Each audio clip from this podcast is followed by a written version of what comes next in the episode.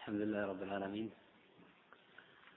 والصلاة والسلام على نبينا محمد وعلى آله وصحبه. قال الإمام أبو عيسى الترمذي رحمه الله تعالى باب ما جاء في التمتع. أي هذا باب ما جاء من الأحاديث الدالة على التمتع. والمقصود بالتمتع بالتمتع هنا أن يحرم بالعمرة في أشهر الحج. ويفرغ منها ثم يحرم بالحج في عامه. وقد قال ابن المنذر وابن عبد البر وغيرهما أجمع, أجمع أهل العلم على أن من أحرم بعمرة في أشهر الحج وحل منها وليس من حاضر المسجد الحرام. ثم أقام بمكة حلالا ثم حج من عامه أنه متمتع عليه دم. وهذا الدم دم شكران. وليس بدم جبران. فإن بعض الذين يفضلون الإفراد على التمتع يقولون بأن هذا الدم جبران للحل بين الحج والعمرة. والصواب ليس بدم جبران. وأنه دم نسك دم شكران. وهذا الذي دلت عليه الأدلة الصحيحة. قال أبو عيسى رحمه الله تعالى حدثنا قتيبة بن سعيد عن مالك بن أنس عن ابن شهاب. تقدم الحديث عن هؤلاء. عن محمد بن عبد الله بن الحارث بن نوفل ذكره ابن حبان في ثقاته. وقال ابن عبد البر رحمه الله لا يعرف إلا برواية الزهري عنه. وقد صحح له الترمذي وخرج له مالك في الموطأ. وهذا يقوي أمره. وقد غلط من ظن عليه بصدوق. وقال عنه مقبول. فهو أعلى من هذا. محمد سمع سعد بن أبي وقاص. الضحاك بن قيس وهما يذكران التمتع بالعمرة إلى الحج. التمتع يطلق على الإحرام بالعمرة في أشهر الحج والفراغ منها ثم يحرم بالحج في عامه وهذا يسمى بالتمتع الخاص. وإذا أطلق التمتع فالمقصود به هو هذا. ويطلق التمتع على القران. ويطلق التمتع على القران. لأن التمتع يطلق على القران ويطلق على التمتع الخاص. باعتبار أنه تمتع بالعمرة إلى الحج ولم يحصل بينهما تحلل. وعمل القارن يختلف عن عمل المتمتع. المتمتع يجب عليه سعيان في أصح قولي العلماء والقارن لا يجب عليه إلا سعي واحد.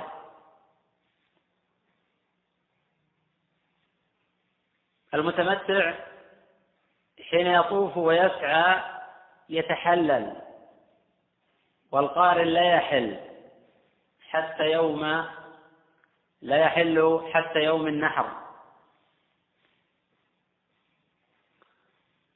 القارن يهل بالعمرة والحج معا والمتمتع يهل بالعمرة يهل بالعمرة وحدها. ويتفقان في وجوب الهدي عليهما. وعمل المفرد كعمل القارن إلا أن المفرد يهل بالحج وحده ولا هدي عليه. قوله فقال الضحاك بن قيس لا يصنع ذلك إلا من جهل أمر الله تعالى. فلا يصنع المتعة إلا من جهل أمر الله تعالى كأنه لم يبلغه شيء من الأحاديث الواردة في مشروعيتها. فقال السعد وهو أحد العشرة المبشرين قلت يا ابن أخي فكأن سعدا عتب عليه لأنه قال ما لم يحط به علما ولأنه عاب أمرا صنعه رسول الله صلى الله عليه وسلم. فقال الضحاك مبررا لقوله فإن عمر بن الخطاب قد نهى عن ذلك. كأنه يقول وعمر لا ينهى عن شيء مشروع. فهذا دليل على أن من تمتع فقد جهل أمر الله تعالى. فقال السعد في الحوار في العلم هي الرد على المخالف بأدب وفيه نصرة السنة في موطن تجب فيه النصرة وفي تسليم الصحابة لكلام رسول الله صلى الله عليه وسلم وفي أخذ العلم عن الأكابر فإن الضحاك أخذ العلم عن عمر وهذا مطلوب. وقد انتهى وقد أحسن من انتهى إلى ما سمع. ولا تخبره السعد بشيء أفضل من هذا. فقال سعد قد صنعها رسول الله صلى الله عليه وسلم. وكلام سعد يفيد أن المتعة التي نهى عنها عمر تشمل فسخ تشمل متعة الفسخ وتشمل القران. وقال بعض العلماء إنما نهى عمر رضي الله عنه عن عمرة الفسخ. وأن الذين ينقلون عنه بالنهي عن المتعة مطلقا يخطئون عليه. وقد كان ابن عمر رضي الله عنه يخبر أن أباه لم ينهى عن المتعة. والتي يفهم من مجموع الأحاديث الواردة والروايات المتعددة في الصحيحين وفي مسلم وفي غيرهما أن عمر رضي الله عنه ينهى عن المتعة مطلقا. وهذا الذي فهمه غير واحد عنه. وهذا الذي فهمه الضحاك بن قيس. لقال سعد للضحاك قد أمر بها رسول الله صلى الله عليه وسلم ولم يقل صنعها. لأن الحديث متفقة أن النبي صلى الله عليه وسلم قرن. والسر في كون عمر رضي الله عنه ينهى عن المتعة أنه رأى الناس قد أخذوا بالمتعة فلم يكونوا يزورون الكعبة إلا مرة في السنة في أشهر الحج. ويجعلون تلك السفرة للحج والعمرة. فكره أن يبقى البيت مهجورا عام ويجعلون تلك السفرة للحج والعمرة فكره أن يبقى البيت مهجورا عامة السنة وأحب أن يعتمر في سائر شهور السنة ليبقى البيت معمورا مزورا كل وقت بعمرة ينشأ لها سفر مفرد. كما كان النبي صلى الله عليه وسلم يفعل حيث اعتمر قبل الحج ثلاث عمر مفردات. وهذا المعنى ذكره شيخ الإسلام وغيره من الأئمة. وذكر شيخ الإسلام رحمه الله تعالى أيضا في شرح العمدة بقوله وعلم أن أتم الحج والعمرة أن ينشأ لهما سفر من الوطن أن ينهاهم عن الاعتمار مع الحج. وإن كان جائزا. فقد ينهى السلطان بعض رعيته عن أشياء من المباحات والمستحبات لتحصيل ما هو أفضل منها. من غير أن يصير الحلال حراما. وهذا يفهم منه أن نهي عمر لم يكن نهي تحريم.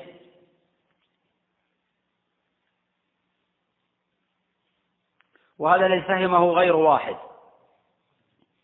وقال آخرون بأن عمر رضي الله عنه ينهى عن ذلك نهي تحريم. قال سعد قد صنعها رسول الله صلى الله عليه وسلم أي أنه هل بعمرة وحج. والأحاديث في هذا متواترة عن رسول الله صلى الله عليه وسلم.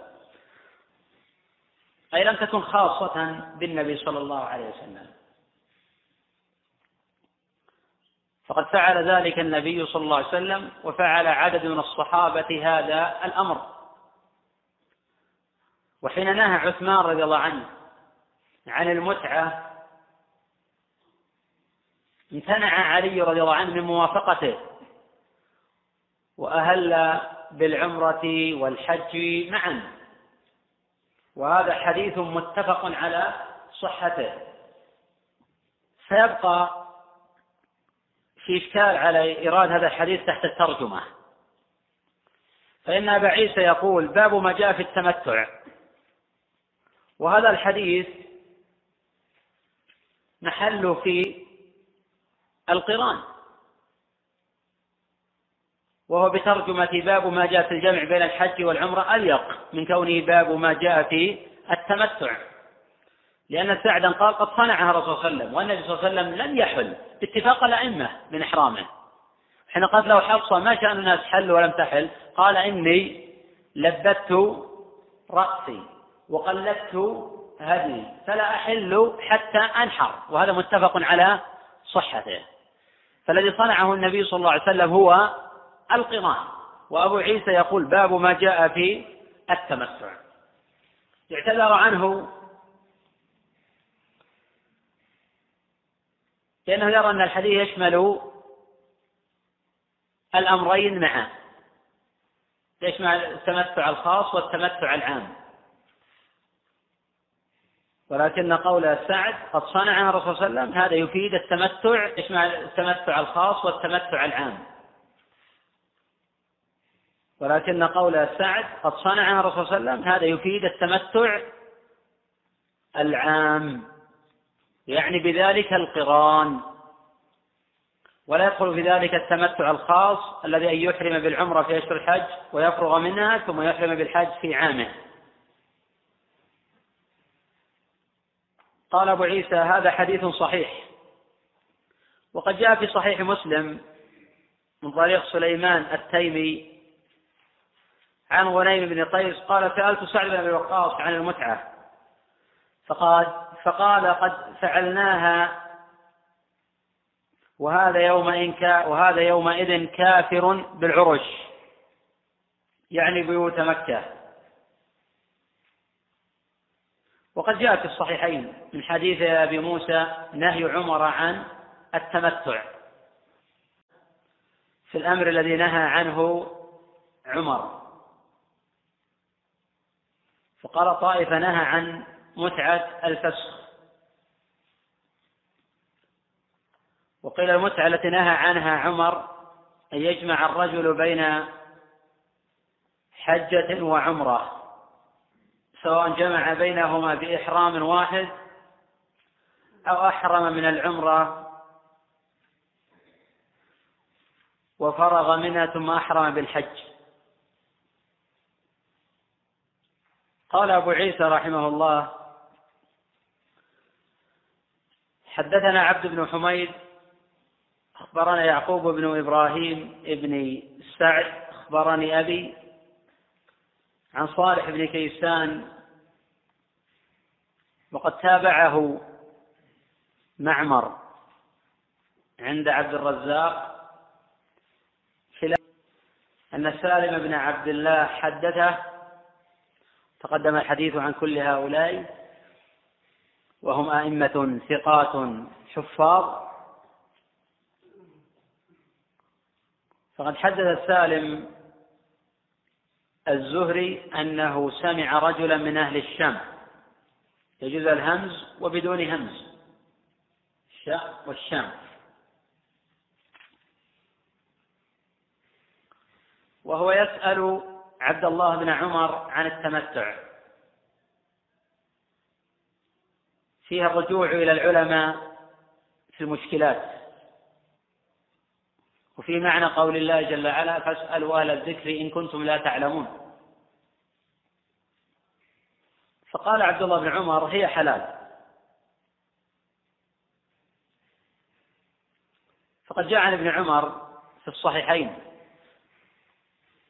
في الصحيحين. قال تمتع رسول الله صلى الله عليه وسلم في حجة الوداع بالعمرة إلى الحج وأهدى فساق معه الهدي من ذي الحليفة.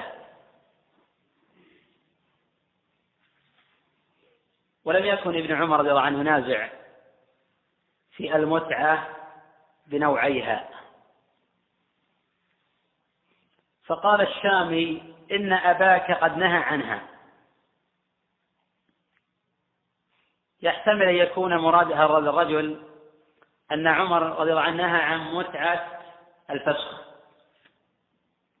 يحتمل أن يكون المراد أن عمر نهى عن المتعة مطلقة. فقال عبد الله بن عمر أرأيت إن كان أبي ينهى عنها؟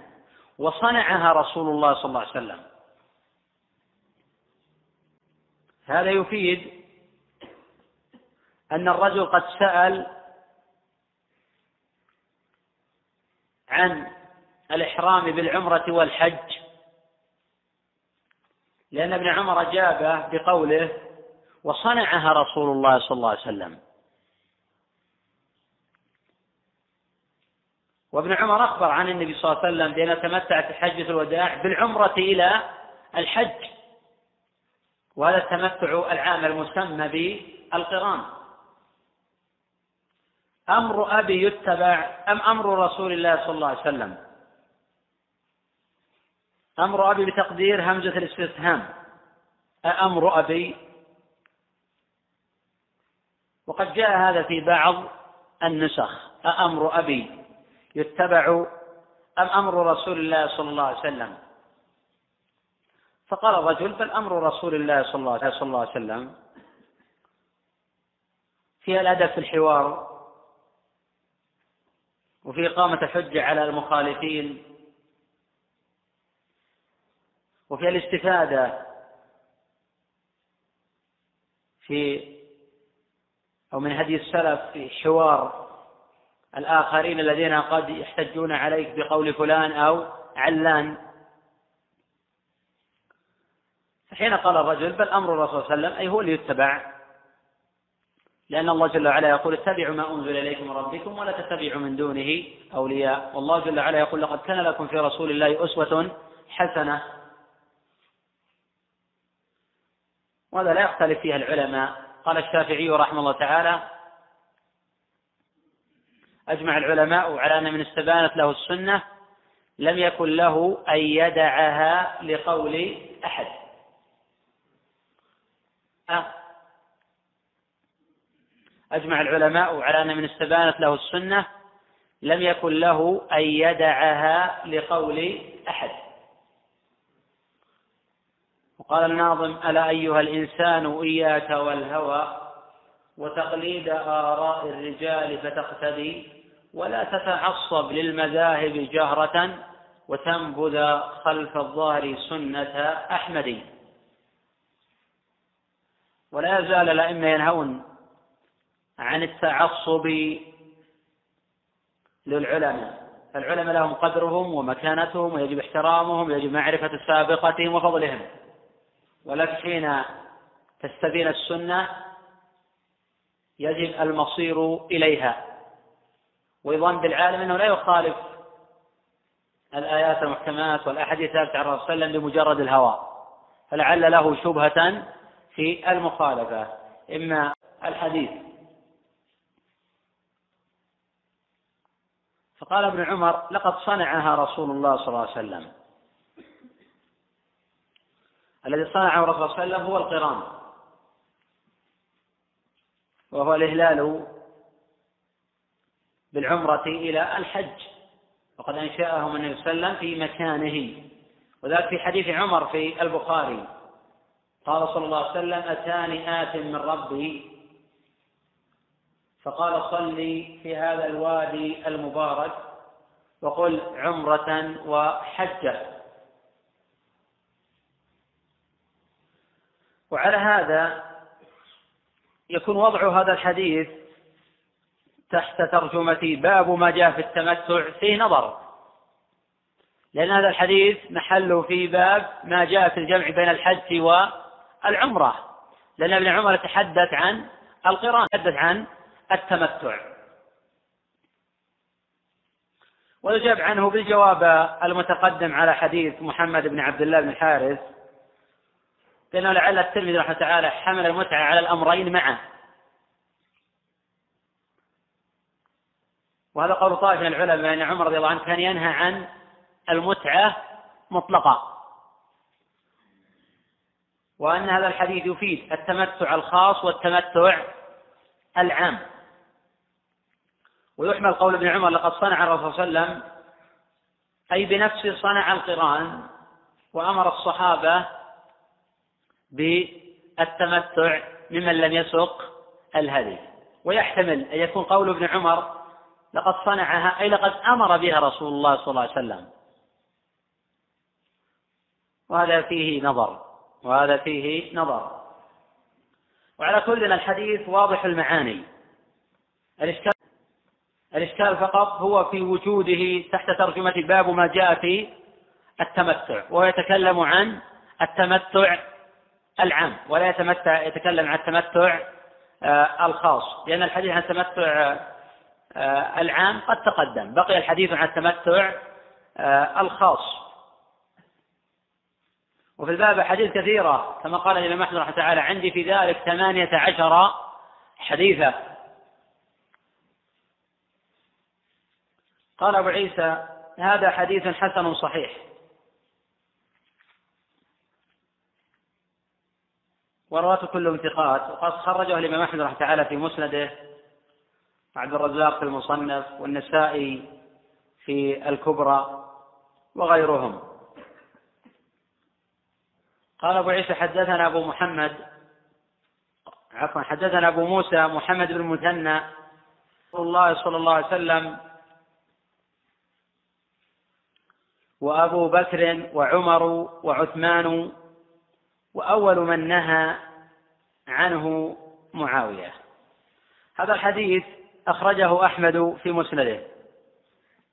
وابن أبي شيبة والطحاوي والطبراني من طريق ليث به. ورواه النسائي من طريق سفيان عن هشام بن حجير عن طاووس قال قال معاوية لابن عباس أعلمت أني قصرت من رأس رسول الله صلى الله عليه وسلم عند المروة؟ قال ابن عباس لا. يقول ابن عباس هذا معاوية ينهى الناس عن المتعة وقد تمتع رسول الله صلى الله عليه وسلم. رسول الله صلى الله عليه وسلم. وهذا فيه لين. فإن هشام بن حجير لين الحديث. وليثنا المذكور في حديث الباب هو ابن أبي سليم. قال عنه الإمام أحمد رحمه الله مضطرب الحديث ولكن حدث عنه الناس. وقد ضعفه ابن عيينة وابن معين. وقال أبو حاتم وأبو زرعة لا يشتغل به هو مضطرب الحديث. وقد خرج له الأربعة واستشهد به البخاري وروى له مسلم مقرونا بأبي إسحاق الشيباني. وقد قال أبو عيسى وروى له مسلم مقرونا بأبي إسحاق الشيباني. وقد قال أبو عيسى على هذا الخبر حديث ابن عباس حديث حسن بمعنى أنه جاء من غير وجه. ولكنه معلول. وفي إيراد هذا الخبر تحت ترجمة باب ما جاء في التمتع إشكال. لأن الحديث عن التمتع الخاص. وابن عباس يقول تمتع رسول الله صلى الله عليه وسلم. يعني بذلك التمتع العام.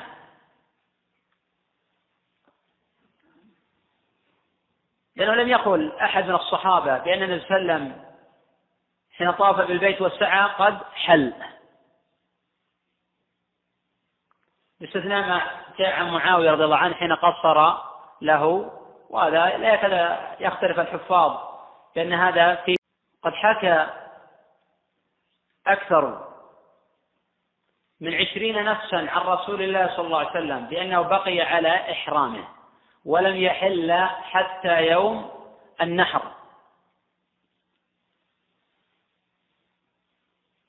وحينئذ يكون الإمام أبو عيسى رحمه الله تعالى على كبير قدره وعظيم منزلته ودقة فهمه. أورد ثلاثة أحاديث في الباب ليست بدالة على الترجمة.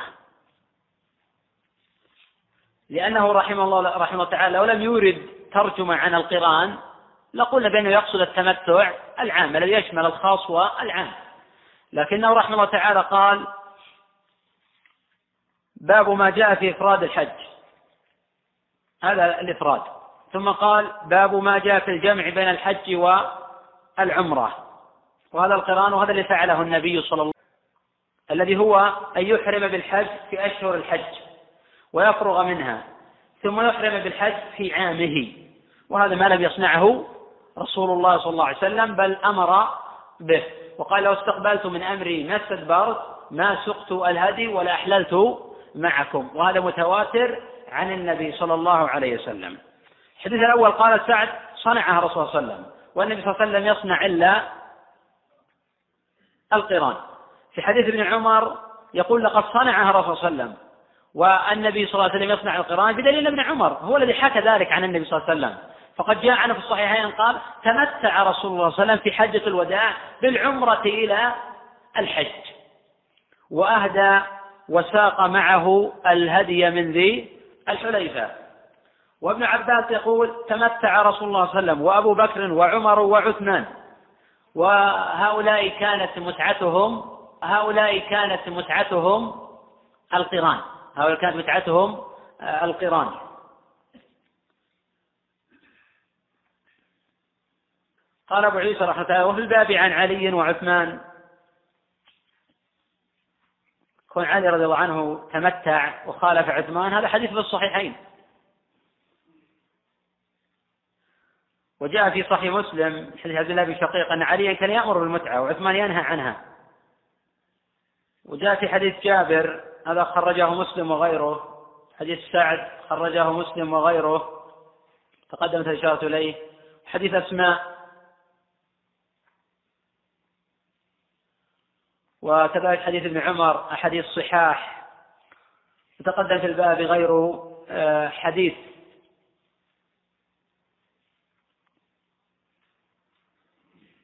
ولا حديث متواتر عن النبي صلى الله عليه وسلم في كونه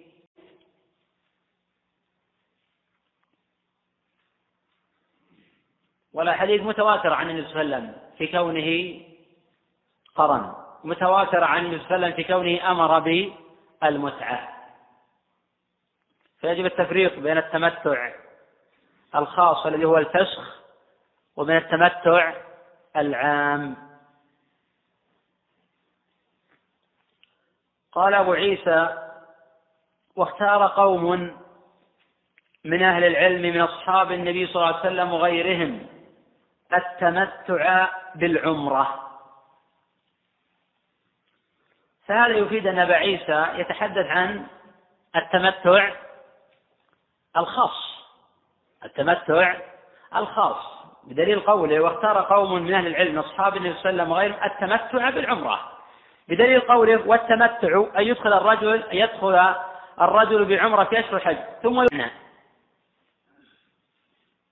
فإن قال قائل لعله يعني بقول سعد صنع الرسول صلى الله عليه وسلم أي إشارة إلى أن النبي صلى الله عليه وسلم تمتع التمتع الخاص وهذا في نظر. ولا يمكن القول آه، بهذا. وفي أدلة صريحة في هذا الباب لم يذكرها الإمام أبو عيسى في أمره صلى الله عليه وسلم في كل من لم يسق الهدي أن يحل. وقول أبي عيسى واختار قوم من أهل العلم أصحاب النبي صلى الله عليه وسلم وغير التمتع بالعمرة وهؤلاء على قسمين.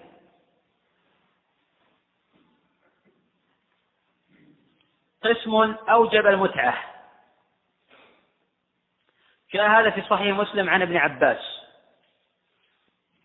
وقال ابن القيم رحمه الله تعالى في الهدي ونحن نشهد الله علينا أن لو أحرمنا بحج لرأينا فرضا علينا فرضا علينا فسخه إلى عمرة. تفاديا من غضب رسول الله صلى الله عليه وسلم واتباعا لأمره. فوالله ما نسخ هذا في حياته ولا بعده. ولا صح حرف واحد يعارضه ولا خص أصحابه دون من بعدهم. بل اجرى الله سبحانه على لسان سراقة أن يسأله هل ذلك مختص بهم؟ فأجاب بأن ذلك كائن لأبد الأبد. فما ندري.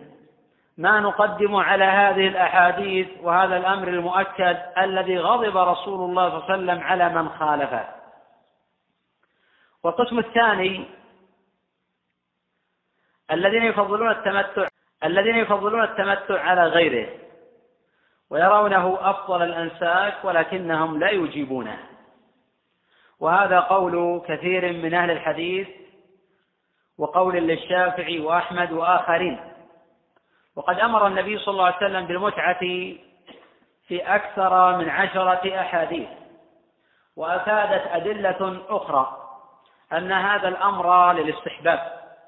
قالت عائشة في صفة حج النبي صلى الله عليه وسلم والذين كانوا معه فأما من أهل بالحج وهؤلاء المفردون أو جمع الحج والعمرة لم يحلوا حتى كان يوم النحر.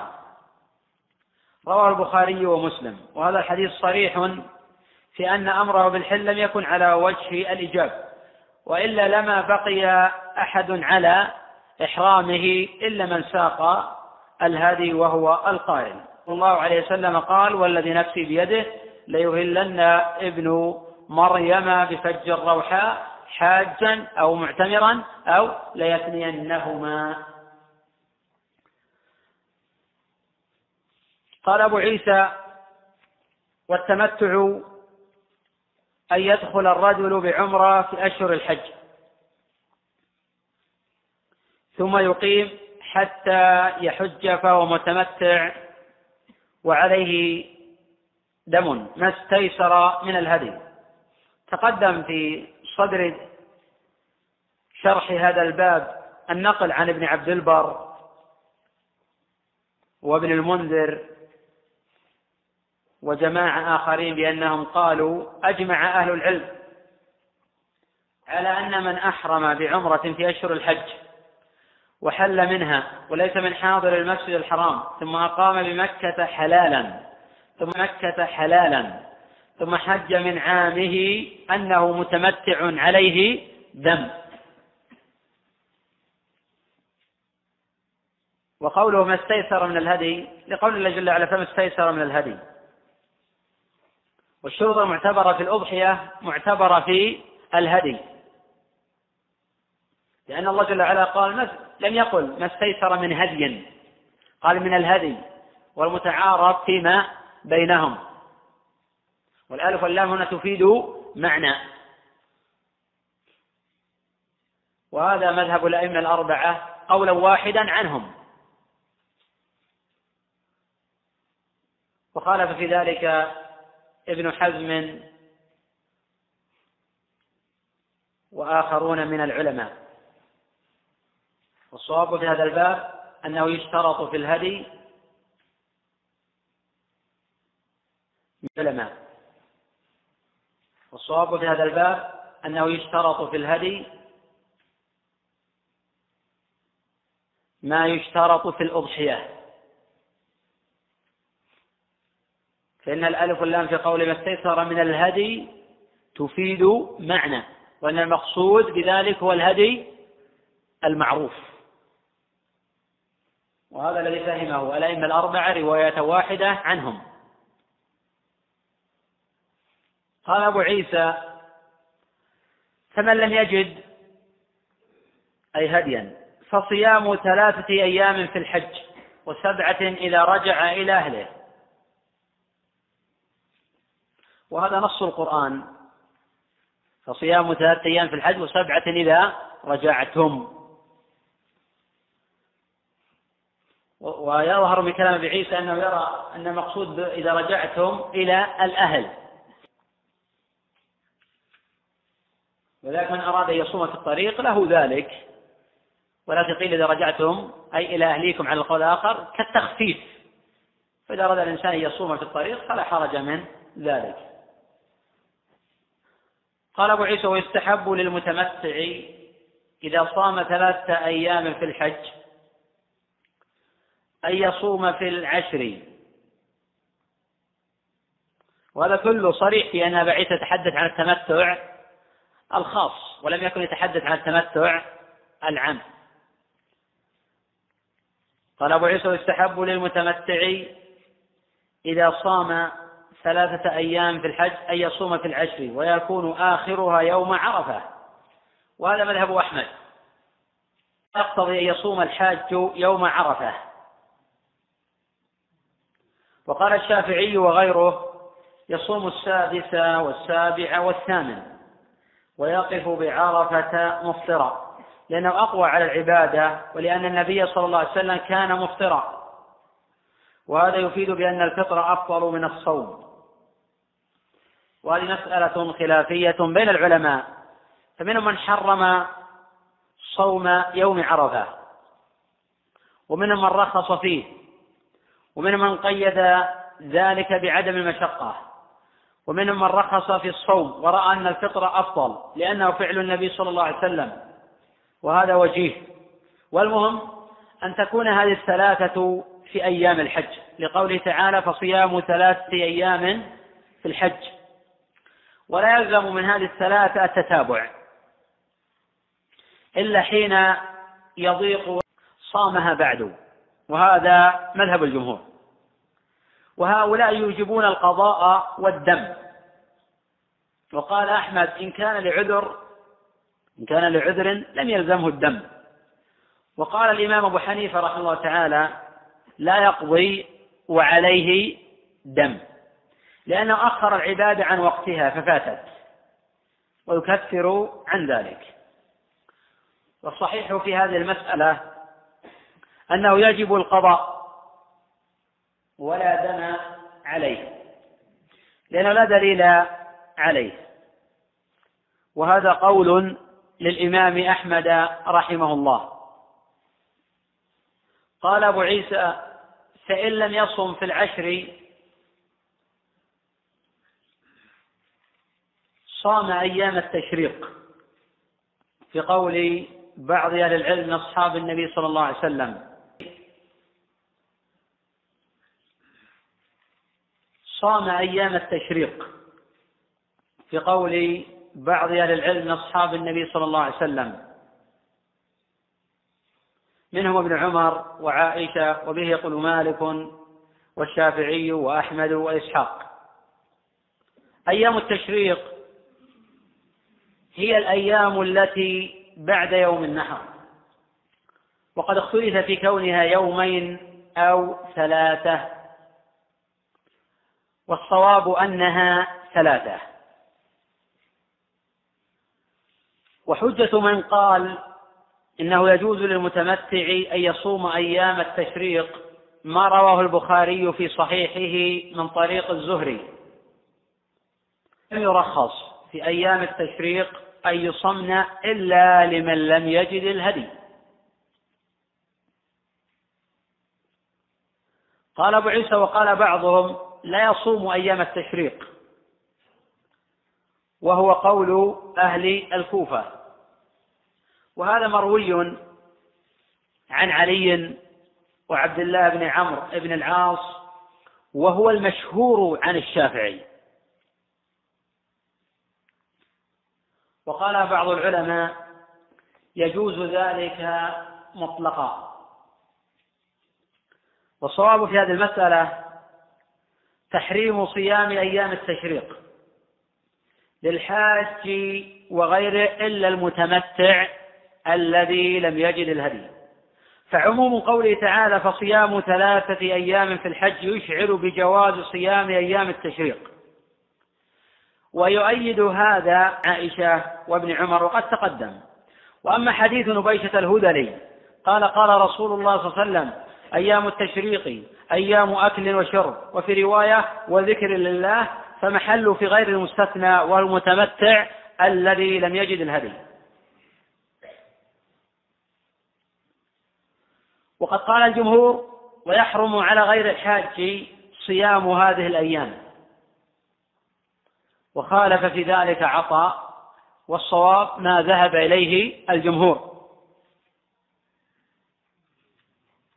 قال أبو عيسى رحمه تعالى وأهل الحديث يختارون التمتع بالعمرة في الحج. وهو قول الشافعي وأحمد وإسحاق وتقدم الحديث عن هذا. وتقدم أن أبا عيسى رحمه الله تعالى حكى عن الشافعي أنه قال إن أفردت الحج فحسن وإن أفردت الحج فحسن وإن قرنت فحسن وإن تمتعت فحسن وقال أحب إلينا الإفراد ثم التمتع ثم القران. وهنا يحكي الإمام أبو عيسى رحمه تعالى عن الشافعي بأنه يختار التمتع. والصواب ما نقله أولا. الصواب ما نقله أولا. وأن الشافعي رحمه تعالى يرجح الإفراد على غيره. وبهذا يكون الإمام أبو عيسى رحمه تعالى أنهى الحديث عن الأنساك الثلاثة. وأفضلها القران لمن ساق الهدي. ومن لم يسق الهدي فالتمتع أفضل الأنساك. وقد تقدم خلاف بين العلماء أيهما أفضل. أن يسوق الهدي فيقرن أو يتقصد ترك السوق ليتمتع. تقدمت الإشارة إلى هذا. الهدي فيقرن أو يتقصد ترك السوق ليتمتع. تقدمت الإشارة إلى هذه المسألة. وجميل أن الإنسان يقرن تارة ويقتدي بالنبي صلى الله عليه وسلم ويسوق الهدي معه وتارة يقتدي بقوله حين أمر الصحابة بالحل ولا حرج أن يفرد. ولكن حج فيه هدي أفضل من حج ليس فيه هدي. لأن الحج حج وثج.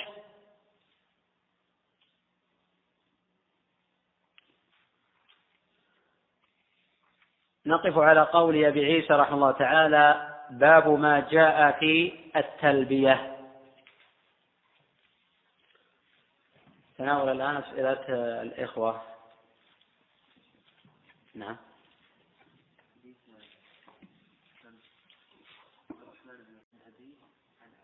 غلط هنا يشهد الحديث الحسن حديث من عباس حديث الحسن اي نعم شرط لهذا. بعد نصر حسن صحيح الحديث الآخر. هو الصواب. اي نعم حسن صحيح. هذا السائل يقول هل الأفضل لمن وصل يوم عرفة أن يفرد؟ نعم الأفضل في حقه أن يكون مفردا. الأفضل في حقه يكون مفردا. وقد اختلف العلماء رحمه تعالى في جواز التمتع في يوم عرفة. منهم من منع لأنه لا يمكنه أن يتمتع ولأن الوقت تضايق فكونه يفرد هو المشروع. ومنهم من أجاز وإن لم يستحب هذا والصواب أنه مباح. إذا أراد يتمتع فلا حرج. فلا حرج. فلا حرج. ولكن الأفضل إذا ما استطاع يسوق الهدي أن يكون مفردا. أن يكون مفردا. وأما قول من قال بأنه لم يتمتع في الحقيقة لما حلق أصبح متمتعا. وليس التمتع يكون فترة طويلة. وإن كان المستحب هذا وهو واقع الصحابة رضي الله عنهم حين قال جابر وغيره يا رسول الله يذهب أحد إلى منى وذكر يقطر منية. هذا هو دليل على وجود آه، فسحة وتمتع في وقت واسع. حينئذ الذي ياتي في يوم عرفة يفرد وإذا استطاع يسوق الهادي ويقرن هذا أمر جميل بحيث يأخذ يطوف البيت في يوم عرفة ويسعى ويبقى على إحرامه ثم بعد ذلك يذهب إلى عرفة. وإذا تضايق على الوقت فليس له إلا آه، الإفراد. هذا السائل يقول ما حكم من رمى قبل الزوال المتعجل؟ حكم من رمى قبل الزوال المتعجل؟ مع أنه قد تقدم الحديث عن أسئلة مشابهة لهذا ووعدت إن شاء الله ببحث هذه القضية حين تصل في كلام أو في تراجم بعيسى وذكر الأحاديث الواردة في هذا الباب. ملخص ما تقدم تقريره في هذه المسألة الخلافية. أن الرمي قبل الزوال الأصل فيه المنع. أن الرمي قبل الزوال أو أن الأصل في الرمي قبل الزوال المنع. لأن النبي صلى الله عليه وسلم رمى بعد الزوال. في يوم النفر الأول ويوم النفر الثاني. ولما روى مالك في الموطأ مالك عن نافع عن ابن عمر قال لا ترمى الجمار, إلا بعد الزوال. ولقول ابن عمر في البخاري كنا نتحين زوال الشمس فإذا زالت رمينا. ولحديث جابر في صحيح مسلم أن النبي رمى جمرة العقبة ضحى ومن الغد بعد الزوال. وإلى هذا صار أكثر العلماء منهم الإمام مالك والشافعي وأحمد. وقال أبو حنيفة وغيره بجواز الرمي قبل الزوال في يوم النفر الأول. وأفتى بذلك عطا وطاووس وجماعة. وقال الطائفة يجوز الرمي قبل الزوال للعذر سواء في يوم التشريق الأول أو يوم النفر الأول. ويستدل لهذا بأن النبي صلى الله عليه وسلم رخص للضعفاء والتابعين لهم برمي جمرة العقبة حين يصلون إلى منى. فكان كثير منهم يصل إلى منى قبل طلوع الشمس وآخرون يصلون إلى منى قبل طلوع الفجر فكانوا يرمون. فإذا جاز رمي جمرة العقبة للحاجة ويكد وقتها من بعد الشمس فلا يجوز رمي أيام التشريق للحاجة من باب أولى لأن الوقت لا يكد إلا بعد الزوال. والجامع واضح هنا. وهو أقوى من الفارق. فإن قال قائل النبي صلى الله عليه وسلم لم يرمي جمرة آه، أيام التشريق إلا بعد الزوال. نقول والنبي صلى الله عليه وسلم لم يرمي جمرة العقبة إلا بعد الشمس. فإن قال قال النبي رخص لهؤلاء نقول لماذا رخص لهم؟ للعذر. إذا إذا وجد العذر في الجمرة الأخرى فلا حرج من ذلك.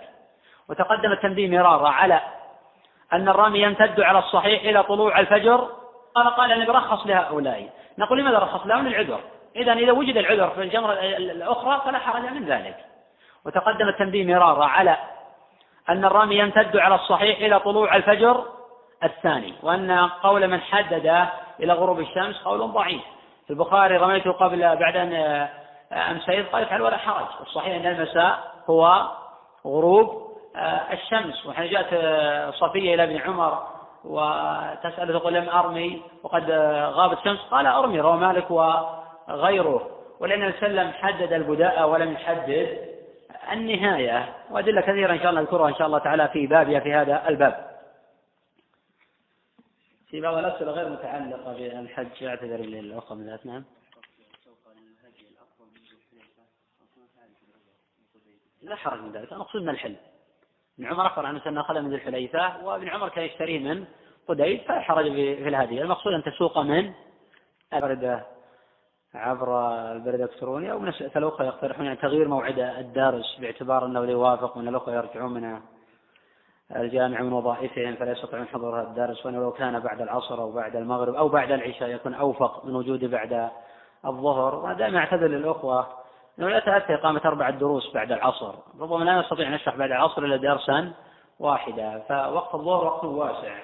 أستطيع أن أشرح الترمذي ثم اشرح بعد ذلك التوحيد ثم اشرح بعد ذلك العمدة ثم اشرح بعد ذلك الأربعين. إذا انتهى متن شرعنا في متن آخر ويستطيع طالب العلم أن يختار من هذه المتون ما يريد أن يحضر ويستفيد منه أما لو أقيم الدرس بعد العصر فلا يتأتى شرح إلا جامعة بعيسى لو أقيم بعد المغرب لا يتأتى ولا استكمال شرح باب من جامعة بعيسى أما بعد العشاء فهذا يفكر في إقامة درس آخر إن شاء الله تعالى. تختلف عن هذه الدروس تبقى هذه على حالها وتبقى الدروس الأخرى على آه، وضعها ولا حرج. أو إن شاء الله يكون بعد الفجر وهذا إن شاء الله يكون بعد الفجر وهذا إن شاء الله ما أفكر فيه. والأخ يسأل عن الحديث رواه ابن عساكر آه، عن زيد بن أسلم عن عبد الرحمن بن زيد بن أسلم عن أبيه أن النبي صلى الله عليه وسلم قال لا يزال جاد حلوا خضرا إلى آخره. هذا الحديث ضعيف لأن عبد الرحمن بن زيد بن أسلم سيء الحفظ وفي نفس الوقت لم يثبت هذا الخبر إلا مرسلا لم يثبت هذا الخبر إلا مرسلا. وفي الباب غير هذا من الأحاديث المتواترة عن النبي صلى الله عليه وسلم في فضل الجهاد وفي فضل أهله والقائمين على عليه.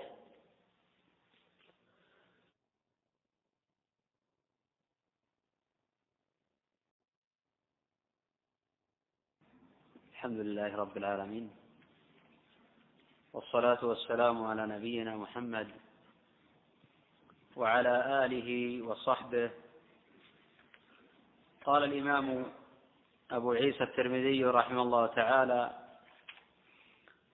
باب ما جاء في التلبية. أي هذا باب ما جاء من الأحاديث الصحاح عن رسول الله صلى الله عليه وسلم في صفة التلبية. قال أبو عيسى حدثنا أحمد بن منيع أي ابن عبد الرحمن البغوي أي ابن عبد الرحمن البغوي نزيل بغداد وثقه النسائي وغيره. وقال الحافظ أبو يعلى الخليلي رحمه الله تعالى في الإرشاد يقرب من أحمد بن حنبل وأقرانه في العلم. قال أبو القاسم البغوي رحمه الله أخبرت عن جدي أنه قال أنا أختم منذ أربعين سنة. في كل ثلاث أي في كل ثلاث ليال أو ثلاثة أي ثلاث ليال أو ثلاثة أيام. مات سنة أربع وأربعين ومائتين خرج له الستة. قال أخبرنا إسماعيل بن إبراهيم هذا المعروف بابن عليا وهو ثقة خرج له الجماعة وتقدم الحديث عنه. عن أيوب عن نافع. تقدم الحديث عن هؤلاء وهم أئمة ثقات خرج لهم الجماعة ولا يختلف العلماء في ثقتهم وجلالة قدرهم وكبير منزلتهم. عن ابن عمر رضي الله عنهما قال كان تلبية النبي صلى الله عليه وسلم لبيك اللهم لبيك لبيك لا شريك لك لبيك إن الحمد والنعمة لك لك. وهذا الخبر رواه البخاري ومسلم من طريق مالك عن نافع عن ابن عمر. ورواه مالك في الموطأ عن نافع بمثله وقال وكان ابن عمر يزيد فيها لبيك لبيك إلى آخره. أي لبيك وسعديك والخير بيديك لبيك والرغباء إليك والعمل. وهو في صحيح مسلم عن يحيى ابن يحيى لبيك. مصدر لبى أي قال لبيك. ولا يكون عامله إلا مضمرا. وقال سيبويه لبيك مثنى لبيك مثنى والتثنية للتوكيد. وقال سيبويه لبيك مثنى. والتثنية للتأكيد. ولبيك ملازمة للإضافة. وشذ إضافتها للظاهر. والتلبية إجابة دعوة الله تعالى لخلقه. وقد قال عطاء قد قال عطاء وطاووس وغيرهما في قول الله جل وعلا فمن فرض فيهن الحج الفرض التلبية وقال ابن عباس الفرض الإهلال والإهلال التلبية. وقال آخرون الفرض الإحرام. قال ابن عبد البر رحمه الله تعالى هو كله بمعنى واحد. والتلبية مشروعة بالاتفاق. على خلاف بين العلماء في حكمها. لا يجب بتركها شيء. وهو قول الشافعي وأحمد. وقيل واجبة. ويجب بتركها دم. وقيل شرط لصحة الإحرام. وهي نظير تكبيرة الإحرام. قد قال عطاء التلبية فرض الحج. رواه سعيد بن منصور وغيره. وطائفة من العلماء من الذين يقولون بين التلبية فرض يرون التلبية هي الدخول في النسك. يرون الإهلال والإحرام والتلبية بمعنى واحد. فهذه ألفاظ كلها بمعنى واحد تفيد الدخول في النسك. وطائفة يغايرون بين نية الدخول في النسك والإهلال والتلبية. فنية الدخول في النسك ركن من أركان الحج. لا يصح الحج إلا به. وأما الإهلال بالنسك فإنه غير التلبية. فالإهلال هو أن تقول لبيك عمرة أو لبيك حجا. أو لبيك عمرة وحج. هذا إهلال بالنسك. قد كان النبي صلى الله عليه وسلم يهل بالنسك ويجهر بذلك. ويتبع ذلك التلبية. فإذا نوى الدخول في النسك بقوله لبيك اللهم لبيك كانت هذه كافية عن قوله لبيك عمرة أو لبيك حجا. وهو وما نوى. نوى إفرادا نوى قرانا نوى تمتعا. وقوله جل وعلا فمن فرض فيهن الحج قيل أوجب فيهن الحج وقيل أحرم فيهن وقيل لبى وقيل أهل وهذه معاني تفيد معنى الدخول في النسك. والدخول في النسك واجب بلا شك. وقيل أهل. وهذه معاني تفيد معنى الدخول في النسك. والدخول في النسك واجب بلا شك. فإذا دخل في النسك بقوله لبيك عمرة لم تكن التلبية واجبة في أصح قولي العلماء. وتكون التلبية حينئذ سنة. وإذا لم يقل لبيك عمرة وقال لبيك اللهم لبيك وكان يعني بذلك الدخول في النسك كانت هذه مسقطة للواجب.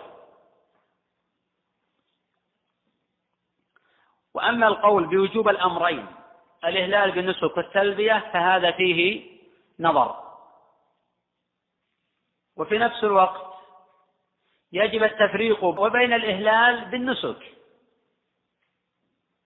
فإن الإهلال بالنسك قد يجري على الإنسان دون قصد منه.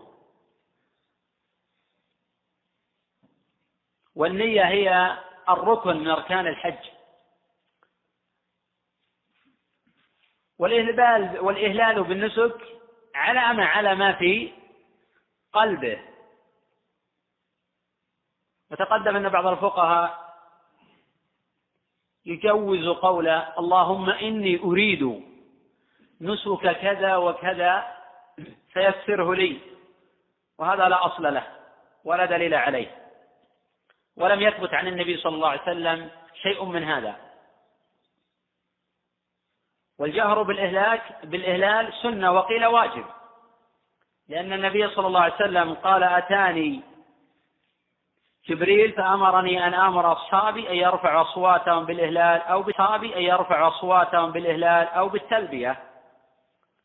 ويأتي إن شاء الله تعالى الحديث عن هذا في الباب الخامس في الباب الخامس عشر باب ما جاء في رفع الصوت للتلبية قوله لبيك اللهم لبيك اللهم مجمع الدعاء. وهذا بمنزلة يسأل الله جل وعلا بأسمائه الحسنى وصفاته العلى. ثم قال لبيك هذا للتأكيد. ويجب على العبد حين يلبي بهذه التلبية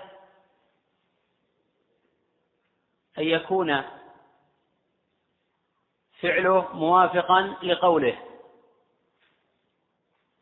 فإنه إذا قال لبيك اللهم لبيك أقمت على طاعتك إقامة بعد إقامة لبيك لا شريك لك هذا توحيد براءة من الشرك براءة من الشرك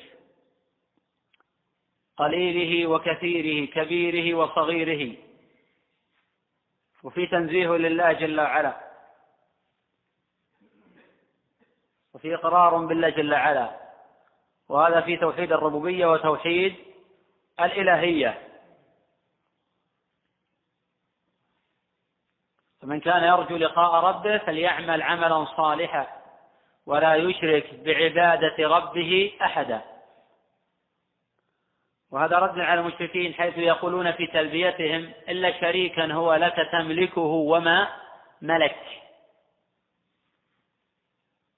ولا قال الله جل وعلا عنهم وما يؤمن أكثرهم بالله إلا وهم إن الحمد والنعمة لك والملك. إن يروى بالكسر والفتح.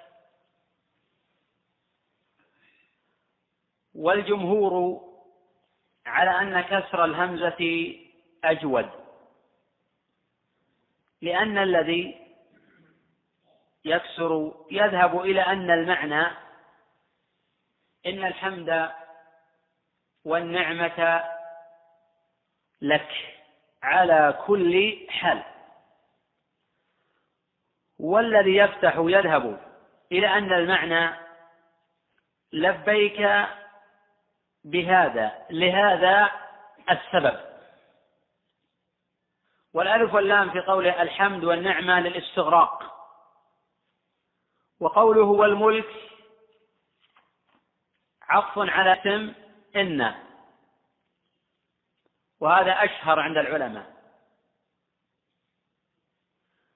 ويجوز في ذلك الرفع. وقوله لا شريك لك تأكيد للبراءة من الشرك وتنزيه لله جل وعلا. وفيها التنبيه على أهمية التوحيد في كل موطن. قال أبو عيسى حدثنا قتيبة وأخبرنا الليث وهو ابن سعد. عن نافع عن ابن عمر. روى كل انتقاءات وقد تقدم الحديث عنهم. عن ابن عمر رضي الله عنهما أنه أنه أهل قيل إن المعنى أراد أن يهل فانطلق يهل بهذه الكلمات لبيك اللهم لبيك.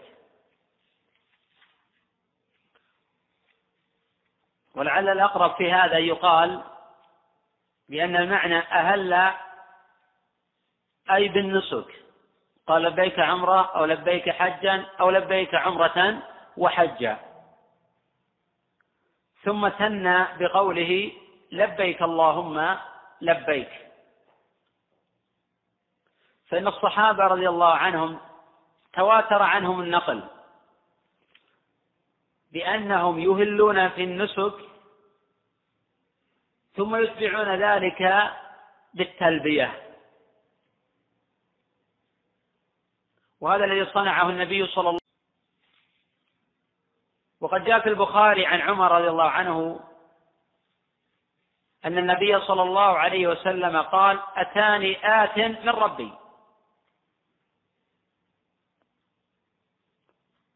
وقال صلي في هذا الوادي المبارك وقل عمرة في حجة. وهذا الذي حكاه جابر في صفة حج النبي صلى الله عليه وسلم. وأنه أهل بالنسك ثم لبى قوله يقول لبيك اللهم لبيك لا شريك لك لبيك. يؤخذ من هذا فوائد. الفائدة الأولى أهمية التوحيد. قد كان الصحابة رضي الله عنهم يصرخون بذلك ذلك.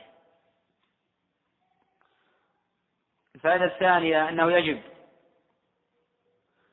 توافق اللسان والقلب على ذلك فلا يشرك بعبادة ربه أحدا. وما أمروا إلا ليعبدوا الله مخلصين له الدين.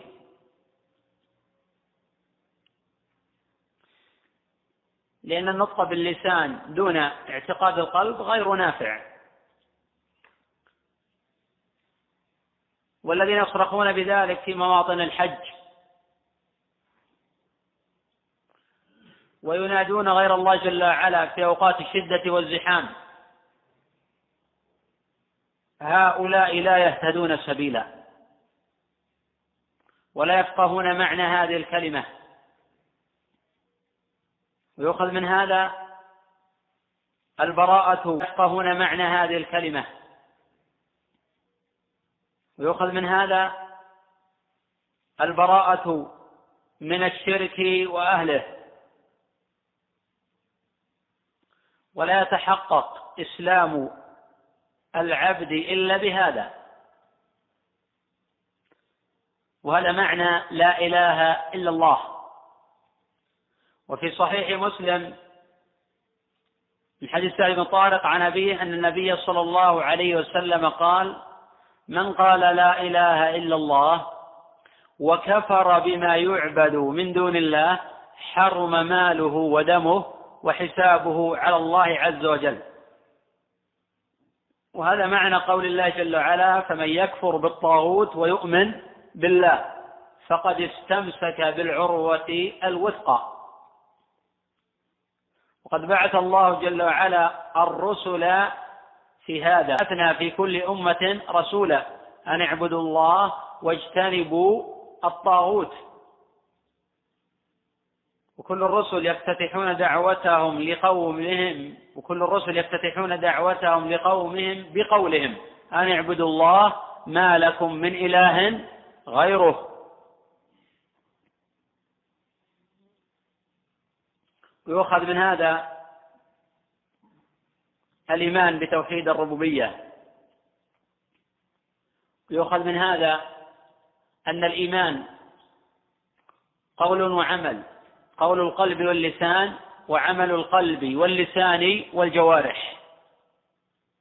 ويؤخذ من هذا أن الأعمال داخلة في مسمى الإيمان. ويؤخذ من هذا أن التوحيد لا يستغني عنه أحد. يؤخذ من هذا التذكير بالتوحيد في كل موطن. ويؤخذ من هذا فضيلة الذكر. يؤخذ من هذا أن النبي صلى الله عليه وسلم كان يجهر بذلك. وإلا لما سمعه أحد. ويؤخذ من هذا حرص الصحابة رضي الله عنهم على نقل سنة وأفعال وأقوال رسول الله صلى الله عليه وسلم.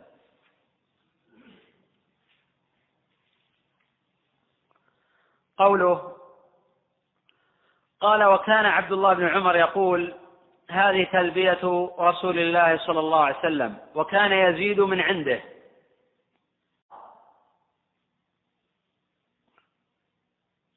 وفيها التفريق بين قوله وقول غيره. في التفريق بين قوله صلى الله عليه وسلم وقول غيره. وفيه أن ابن عمر رضي الله عنه فهم أن ألفاظ التلبية غير تعبدية وأنه لا حرج من الزيادة. فهو هو في العلم والمعرفة والاتباع وكان يزيد. وقد جاءت حديث أخرى تفيد بأن النبي صلى الله عليه وسلم كان يسمعهم ولا ينكر ذلك. قد قيل وإن أقر قول غيره جعل كقوله كذاك فعل قد فعل وما جرى في عصره ثم اطلع عليه إن أقره فليتبع. كان ابن عمر رضي الله عنه يزيد لبيك لبيك. تقدم أن لبيك مصدر لبى أي قال لبيك. وتقدم قول السيبويه لبيك مثنى والتثنية للتأكيد. أي أقمت على طاعتك. إقامة بعد إقامة. وقيل أجبت دعوتك إجابة بعد إجابة. ويجب توافق القول والقلب واللسان في ذلك. فمن قال لبيك أن يكون مطيعا لله ممتثلا لذلك فلا يقول لبيك يقول هذا بلسانه ويخالف هذا بفعله. فكثير من الناس ألسنة تصف وقلوب تعرف وأعمال تخالف. والفرض على كل مسلم يكون شعاره وعجلت إليك ربي لترضى. وقد جاء في البخاري من رواية فلاح بن سليمان عن هلال بن علي عن عطاء عن أبي هريرة أن النبي صلى الله عليه وسلم قال كل أمتي يدخلون الجنة إلا من أبى.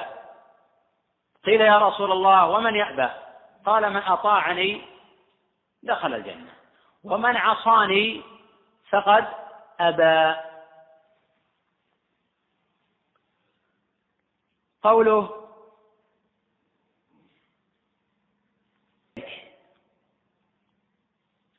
إعرابها وتثنيتها كما في لبيك.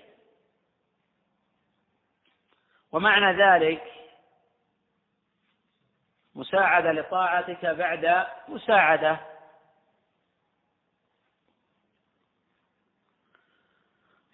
وقوله والخير في يديك. أي الخير كله في يدي الله ومن فضله. قوله والرغبة إليك والعمل. والرغبة تروى بضم الراء مع القصر. وتروى بفتح الراء والمد. والرغباء إليك والعمل إليك والعمل. ومعنى هذا الطلب والمسألة إلى من بيده الخير. وهذا توحيد لله جل وعلا. إذا انقطع تطماع عبد عن الورى تعلق بالرب الكريم رجاؤه فأصبح عزا عزا فأصبح حرا عزة وقناعة على وجهه أنواره وضياؤه. وإن علقت بالخلق أطماع نفسه تباعد ما يرجو وطال عناؤه فلا ترجو إلا الله في الخطب وحده ولو صح في قل الصفاء صفاؤه. وقد قال النبي صلى الله عليه وسلم لابن عباس يا غلام إني أعلمك كلمات. احفظ الله يحفظك. احفظ الله تجده تجاهك. إذا سألت فاسأل الله. وإذا استعنت فاستعن بالله. واعلم أن الأمة لو اجتمعوا على ينفعوك بشيء لم ينفعوك بشيء. وإذا استعنت فاستعن بالله. واعلم أن الأمة لو اجتمعوا على ينفعوك بشيء لم ينفعوك بشيء ينفعوك إلا بشيء قد كتب الله لك. ولو اجتمعوا على يضروك بشيء لم يضروك إلا بشيء قد كتبه الله عليك. رفعت الأقلام وجفت الصحف. رواه بعيسى وغيره بسند صحيح. قوله والعمل عطف على الرغبة.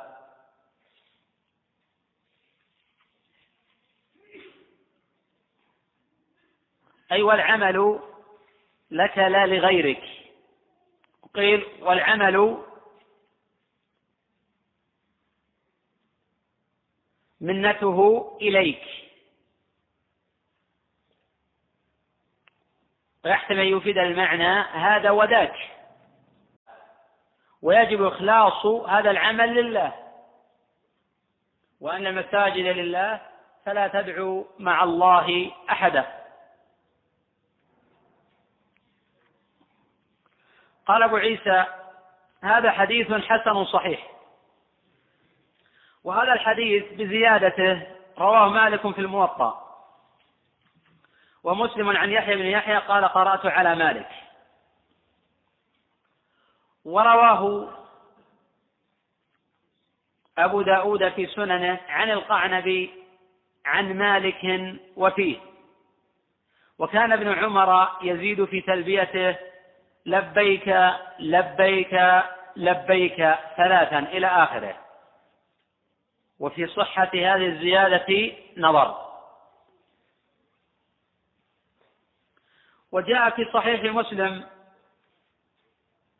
عن يونس عن ابن شهاب عن سالم عن ابن عمر قال وكان عمر يهل بإهلال رسول الله صلى الله عليه وسلم من هؤلاء الكلمات ويقول فذكره بنحو رواية مالك عن نافع عن ابن عمر. جاءت هذه الزيادة عن عمر وعن ابن عمر رضي الله عنهما.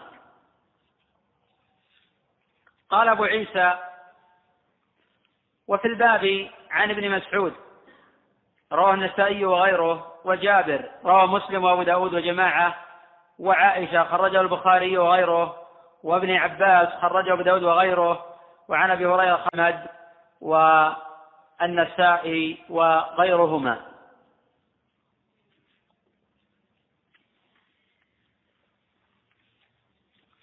قال أبو عيسى رحمه الله تعالى والعمل عليه عند أهل العلم من أصحاب النبي صلى الله عليه وسلم وغيرهم. وهو قول سفيان الثوري والشافعي وأحمد وإسحاق.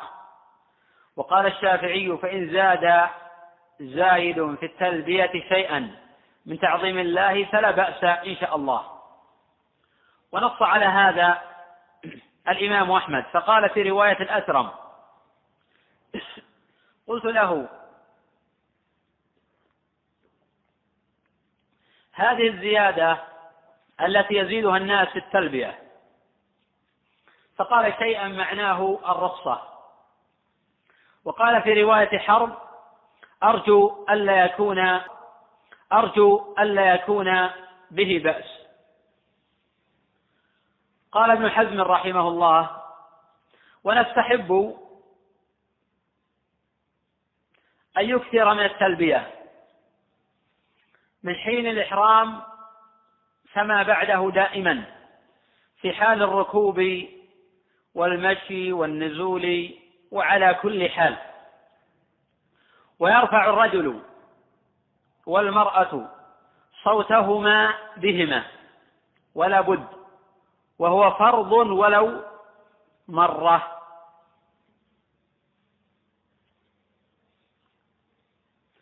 وقال الجمهور تخفي المرأة صوتها بذلك حيث يسمعها أجنبي مخافة الفتنة. المرأة ألا ترفع صوتها. وقد استدل من يرى رفع الصوت للمرأة بما رواه ابن أبي شيبة بسند صحيح. طريق عبد الرحمن بن القاسم عن أبيه. قال خرج معاوية رضي الله عنه ليلة النفر. فسمع صوت تلبية. فقال من هذا؟ قالوا عائشة اعتمرت. فذكر ذلك لعائشة فقالت لو سألني لأخبرته.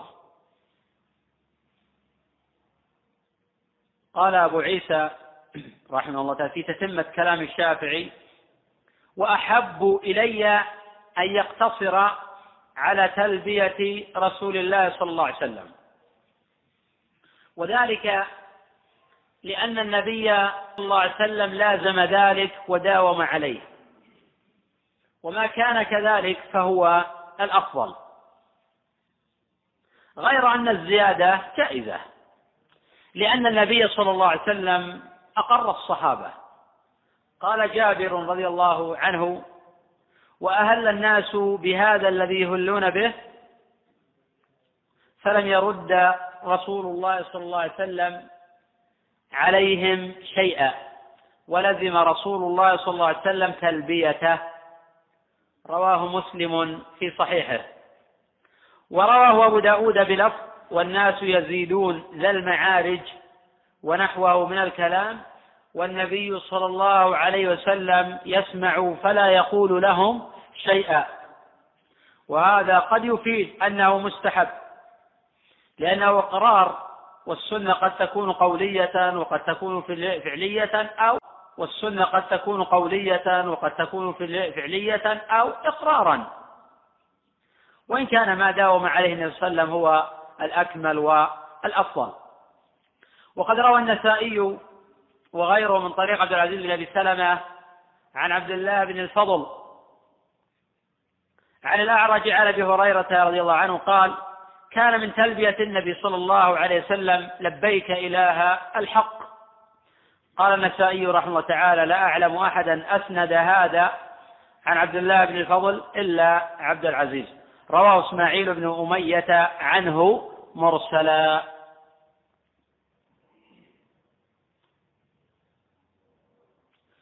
قال الشافعي رحمه الله وإنما قلنا لا بأس بزيادة تعظيم الله فيها لما جاء عن ابن عمر. تقدم أن مسلما حكاه عن عمر أيضا وجاء مرفوعا إلى رسول عمر على خلاف بين المحدثين في صحة هذه الأخبار.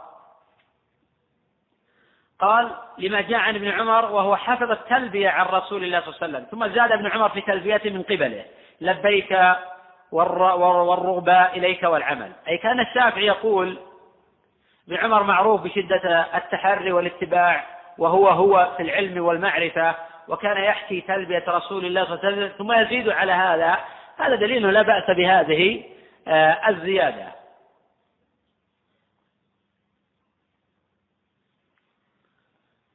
يستدل أيضا بأن النبي صلى الله عليه وسلم كان يسمعهم. كما نص على ذلك جابر في قوله وأهل الناس بهذا الذي يهلون به فلم يرد رسول الله صلى الله عليه وسلم عليهم شيئا ولزم رسول الله صلى الله عليه وسلم تلبيته. هذا نص صريح في النبي صلى الله عليه وسلم سمع ذلك وأقرهم عليه. فلو كان هذا غير مشروع أو كان بدعة أو كان مكروها لبينه النبي صلى الله عليه وسلم. فإن تأخير البيان عن وقت الحاجة لا يجوز والبيان في وقت الحاجة واجب. والسنة قد تكون قولية قد تكون فعلية قد تكون إقرارا.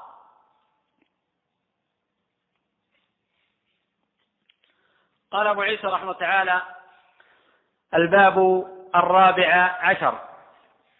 باب ما جاء في فضل التلبية والنحر.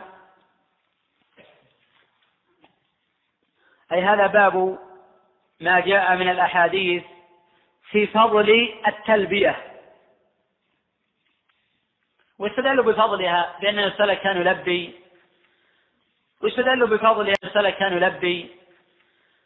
واستدلوا بفضلها في حديث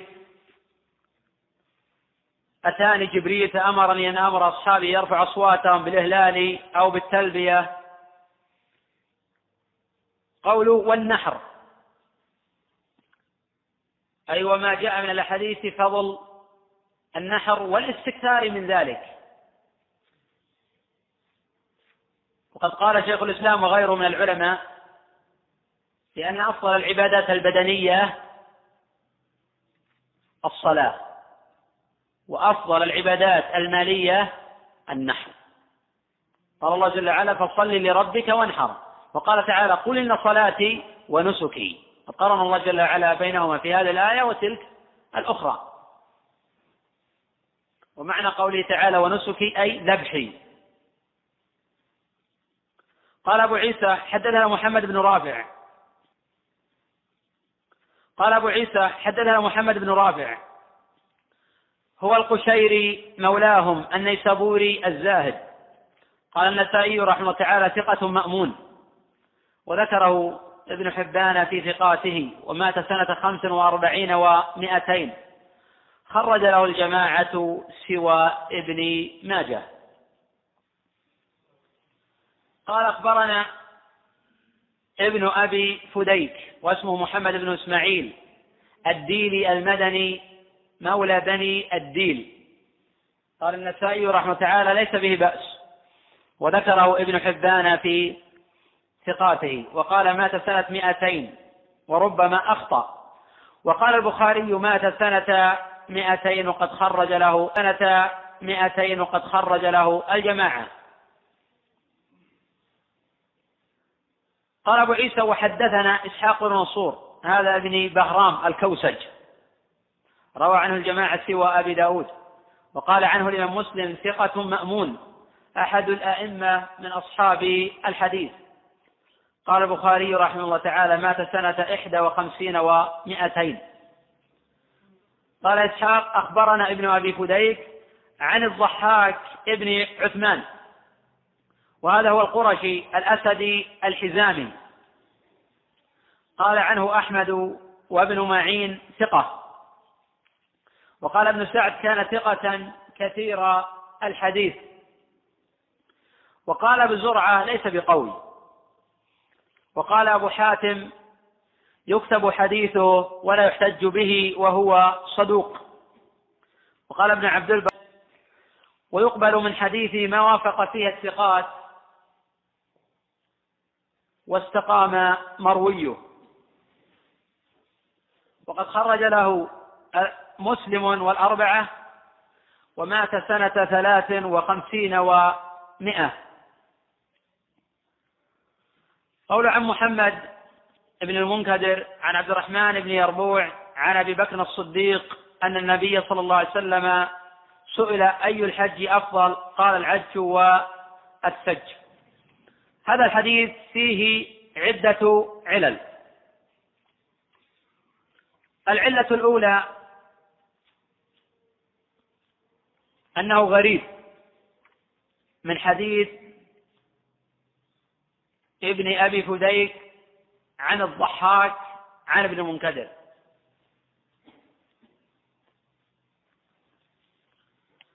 العلة الثانية العلة الثانية أن ابن المنكدر لم يسمع من عبد الرحمن بن يربوع. العلة الثالثة أن عبد الرحمن روى له الترمذي وابن ماجه هذا الحديث الواحد. وفي حديثه نظر. وقد قال أبو عيسى رحمه تعالى في تعليل هذا الخبر قال حديث أبي بكر حديث غريب. لا نعرفه إلا من حديث ابن أبي فديك عن الضحاك ابن عثمان. ومحمد بن المنكدر لم يسمع من عبد الرحمن بن يربوع. وقد روى محمد بن المنكدر عن سعيد بن عبد الرحمن بن يربوع عن أبيه عن الضحاك بن عثمان عن محمد بن المنكدر عن سعيد بن عبد الرحمن بن يربوع عن أبيه عن أبي بكر عن النبي صلى الله عليه وسلم وأخطأ فيه ضرار. وأكثر الحفاظ على تضعيف ضرار بن الصرد قد ضعفه البخاري والنسائي وابن معين وغيرهم. قال أبو عيسى سمعت أحمد بن الحسن يقول قال أحمد بن حنبل من قال في هذا الحديث عن محمد بن المنكدر عن ابن عبد الرحمن بن يربوع عن أبيه فقد أخطأ. وهذا ما ادعاه أبو نعيم الطحان حيث روى هذا الخبر عن ابن أبي فديك عن الضحاك عن محمد عن سعيد عن أبيه. قال وسمعت محمدا يقول ذكرت له حديث ضرار ابن صرد عن ابن أبي فديك فقال هو خطأ. صرد عن ابن أبي فديك فقال هو خطأ. فقلت قد روى غيره. عن ابن أبي فديك أيضا مثل روايته. فقال لا شيء إنما رواه عن ابن أبي فديك ولم يذكر فيه عن سعيد بن عبد الرحمن. ورأيت يضاعف ضرار ابن صرد وهذا قول الأكابر فيه. قال النسائي في ضرار متروك الحديث. وقال حسين بن محمد القداني تركوه وقال ابن معين ليس حديثه بشيء وقد مات سنة تسع وعشرين ومائتين قال أبو عيسى والعج هو رفع الصوت بالتلبية. وهذا ثابت في قوله صلى الله عليه وسلم أتاني جبريل فأمرني أن أمر أصحابي يرفعوا أصواتهم بالإهلال والتلبية وثبت هذا عن أصحابه يرفعوا أصواتهم بالإهلال والتلبية وثبت هذا عن جمع من الصحابة رضي الله عنهم. وقوله والسج هو نحر البدن. وهذا فعله النبي صلى الله عليه وسلم بنفسه فإنه ساق مئة بدنة. ونحر ثلاثا وستين بيده. وأعطى عليا فأكمل ما بقي. رواه مسلم في حديث جابر ورواه غيره. وهذا دليل على مشروعية الاستكثار من الهدي. وكان الصحابة رضي الله عنهم يستكثرون من ذلك. والهدي مشروع في الحج والعمرة. يعتقد كثير من الناس أن الهدي لا يشرع إلا في الحج وهذا غير صحيح. صحيح. فهو مشروع في الحج والعمرة. بل والهدي مشروع أن ترسله ويذبح في مكة ولو لم تحج أو تعتمر. وقد كان النبي صلى الله عليه وسلم يرسل الهدي إلى مكة. وكان النبي صلى الله عليه وسلم يهدي في العمرة. قد قالت عائشة أنا فتلت هدي قلائد النبي صلى الله عليه وسلم. وهذا لا يكون في الحج لأن صلى الله عليه وسلم ما أهدى غنما وقد أهدى البدن. وهذه تعتبر من السنن المهجورة. ومن السنن المهجورة الاستكثار من الهدي في الحج. فإن البعض يذهب إلى الإفراد عن الهدي. وجماعة يبحثون عن الرخيص. والله جل وعلا يقول لن ينال الله لحومها ولا دماؤها ولكن يناله التقوى منكم. والله طيب. لو أتاك ضيف فتذبح له هذا الهزيل اللي تذبحه لله رب العالمين؟ فالاستكثار من الهدي أمر مشروع محبوب لله جل وعلا. المتمتع لا يجب عليه إلا واحدة القارن لا يجب إلا عليه واحدة. لكن لو ذبح اثنتين أو ثلاثا أو عشرا أو عشرين لا حرج من ذلك بشرط أن يستفاد من هذا اللحم. والمفرد لا يجب عليه الهدي ولكن لو تطوع بهدي كان أزكى عند الله وأفضل. كثير من الناس الآن في الأضاحي يستثمنون ويشترون الأضحية بأغلى الأثمان. ويستكثرون ويستقلون ألف ريال في الأضحية ويستكثرون مئتي ريال في الهدي. ولعل السر في هذا لأن الأضحية مردها إلى بيته وأولاده.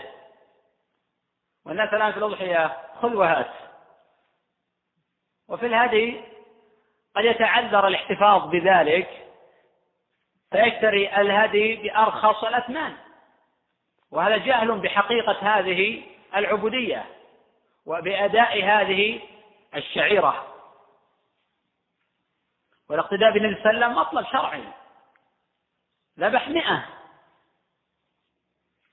وعلى كل حديث الباب ضعيف ولكن جاءت أحاديث أخرى بنفس المعنى أحاديث آه، أو تفيد هذا المعنى. قول سئل أي الحج أفضل؟ أي أي أعمال؟ سئل أي أي أعمال الحج أفضل؟ قال العج والثج وتقدم تفسير آه، العج وتقدم تفسير آه، العج بأنه رفع الصوت بالتلبية وهذا دلت عليه الأحاديث الصحاح وهو الدرس إن شاء الله تعالى غدا في قول صلى الله عليه جبريل. والثج هو فعله النبي صلى الله عليه وسلم بنفسه وفعله الصحابة رضي الله عنهم من آه، بعده. قال أبو عيسى رحمه الله تعالى حدثنا هناد أخبرنا إسماعيل بن عياش عن عمارة ابن غزية عن أبي حازم عن سالم بن سعد. قال قال رسول الله صلى الله عليه وسلم ما من مسلم يلبي إلا لبى من؟ عن يمينه وشماله من حجر أو شجر أو مدر حتى ينقطع الأرض الرواة ثقات. باستثناء إسماعيل بن عياش. الحمصي مولى عنسن. فإنه ضعيف في روايته عن غير أهل الشام وأما عمارة ابن غزية فإنه مدني ثقة. وثقة أحمد وأبو زرعة وخرج له مسلم والأربعة. واستشهد به البخاري في صحيحه. فالخبر معلول. وعلة إسماعيل بن عياش حيث رواه عن مدني. وإذا روى إسماعيل بن عياش عن أهل الشام فإنه ثقة. قال الإمام أحمد ليس أحد أروى لحديث الشاميين من إسماعيل. لم وقال رحمه الله إذا حدث عن غير الشاميين فعنده مناكير. وضعفه عن غير الشاميين ابن معين والبخاري. وقد خرج له الأربعة ومات سنة اثنتين وثمانين ومائة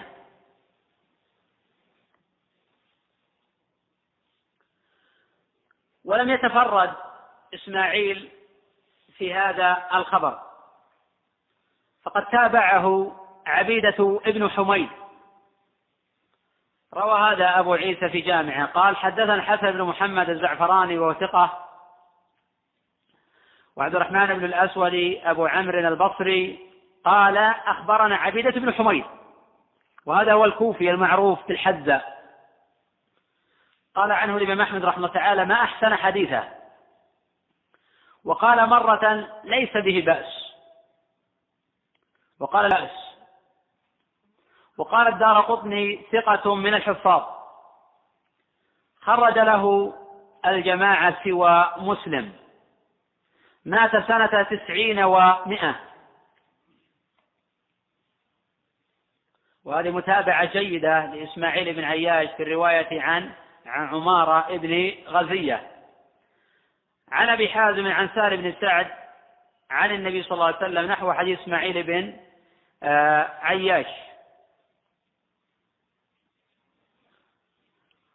وقد أخرج سعيد بن منصور من طريق أيوب قال رأيت سعيد بن جبير في المسجد يوقظ الحاج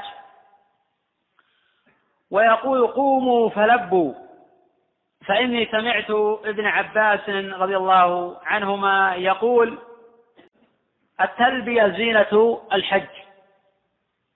وقال إبراهيم أكثروا من التلبية فإنها زينة الحج. رواه سعيد. ويأتي إن شاء الله تعالى الحديث عن ذلك في الباب الخامس عشر. ولا تشرع التلبية بغير العربية. وهو يقدر على التلبية بالعربية أو على تعلمها.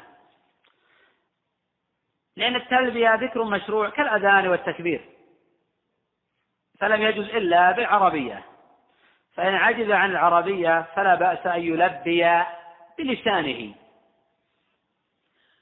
والمشروع للحاج أن يلبي من حين الإحرام إلى أن يأخذ في رمي جمرة العقبة وفي العمرة إلى أن يدخل الحرم وقيل إلى أن يشرع في الطواف ويشرع في الطواف والأول أصح. قال أبو عيسى وفي الباب عن ابن عمر وجابر. حديث ابن عمر رواه ابن ماجه وفي إسناده إبراهيم الخوزي. تقدم الحديث عنه أنه ضعيف الحديث مطلقا.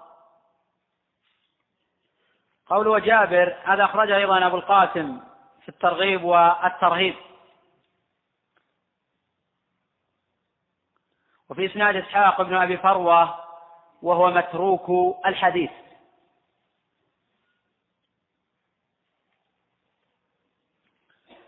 ومعنى قوله في حديث سهل حتى ينقطع الأرض منها هنا وهنا أي حتى تنتهي إشارة إلى المشرق والمغرب أي إلى منتهى الأرض. ومعنى قوله أو إشارة إلى المشرق والمغرب أي إلى منتهى الأرض. ومعنى قوله أو مدر المدر هو الطين المستحجر. يؤخذ من هذا فضيلة التلبية. ويأتي إن شاء الله أن الجار بذلك مشروع. وقد تقدم أن بعض العلماء يرى وجوب هذا. وأن التلبية زينة الحج. ويؤخذ من هذا أن الأعمال داخلة في مسمى الإيمان ويؤخذ من هذا أن الإيمان قول وعمل قول القلب واللسان وعمل القلب واللسان والجوارح. وقد قال تعالى ومن يفعل ذلك ابتغاء مرضات الله فسوف نؤتيه أجرا عظيما. فالذي يلبي يبحث عن الرياء وعن السمعة أو عن المدح أو أنه لا يأكل ولا ينقطع عن التشبيهات في الحج هذا ليس له من عمله حظ ولا نصيب. الإخلاص شرط في صحة وقبول العمل. نقف على هذا ونأخذ إن شاء الله تعالى غدا الباب الخامس عشر. باب ما جاء في رفع الصوت بالتلبية. نأخذ الآن أسئلة الإخوة. نعم.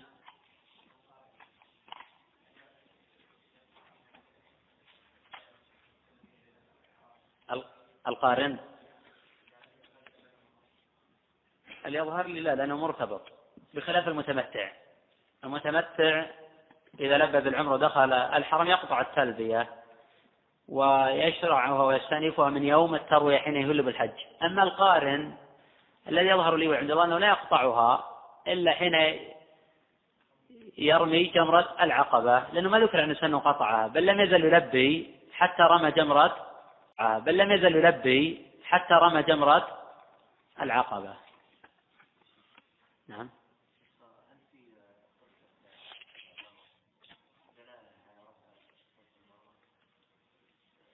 مع معاوية.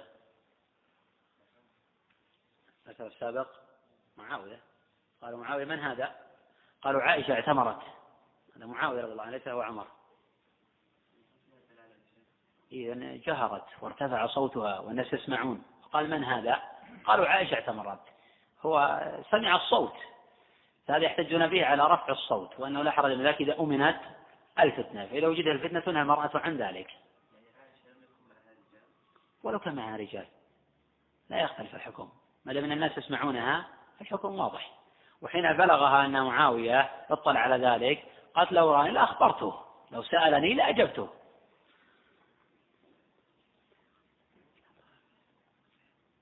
كان في أثناء الطواف تعارك وشتم أحد الطائفين ولذلك ترك الطواف وجاء ليحرم من جديد. فقلت له لا تحرم من جديد لأنك ما زلت محرما. وأمرت بالرجوع والإكمال وأن يكمل طوافه وعمرته ولن يقتنع. يقول هل أنا على حق فيما قلت؟ لا نعم بلا شك. فإن المشاة في الطواف لا تقطع الطواف. لا ريب الإنسان يحسن خلقه ويتعامل مع الآخرين. وإن أساءوا إليه بحسن الخلق وأكمل المؤمنين إيمانا أحسنهم خلقا ولا سيما في هذا الموقف العظيم. فالإنسان يتحمل ما يلاقي من الآخرين من الزحام أو من الأذى. أو من ذات الألفاظ واللسان وما يتعلق بذلك. وإذا قدر أنه غضب وشاتم أحدا فإنه يواصل طوافه ويستغفر الله جل وعلا. وأما كون هذا آه، الأخ ذهب إلى التنعيم باعتبار أنه شاتم رجلا ففعله غير صحيح وليس له أصل. التنعيم باعتبار أنه شاتم رجلا ففعله غير صحيح وليس له أصل. ويعتبر أدخل نسكا على نسك يعتبر فعله غلطا ولاغيا وحين يرجع يعتبر استكمال لما آه، مضى. الأخ يقول إذا مات المسلم ولم يحج وهو مقتدر وكان سبب تركه للحج هو التسويف. ففي كل سنة يقول السنة التي بعدها ما حكمه؟ هل يبقى على ملة الإسلام أم يخرج عن الإسلام؟ وهل نحج عن أم لا؟ مذهب الجمهور بأن من ترك الحج متعمدا أو مفرطا ما لم يكن جحدا فإنه لا يكفر. وهذا الذي صار إليه أكثر العلماء منهم أبو حنيفة ومالك والشافعي وأحمد في أشهر الروايتين آه، عنه. وتقدم الخلاف في هذا. فإذا كان لعل غدا أو لعل في السنة هذه السنة في هذه السنة يقول لعله في السنة القادمة. هذا في الحقيقة لا يعتبر آه، كافرا. لا يعتبر كافرا يعتبر عاصيا. لأنه لم يكن يمتنع عن الحج. وحينئذ لا حرج أن يحج عنه.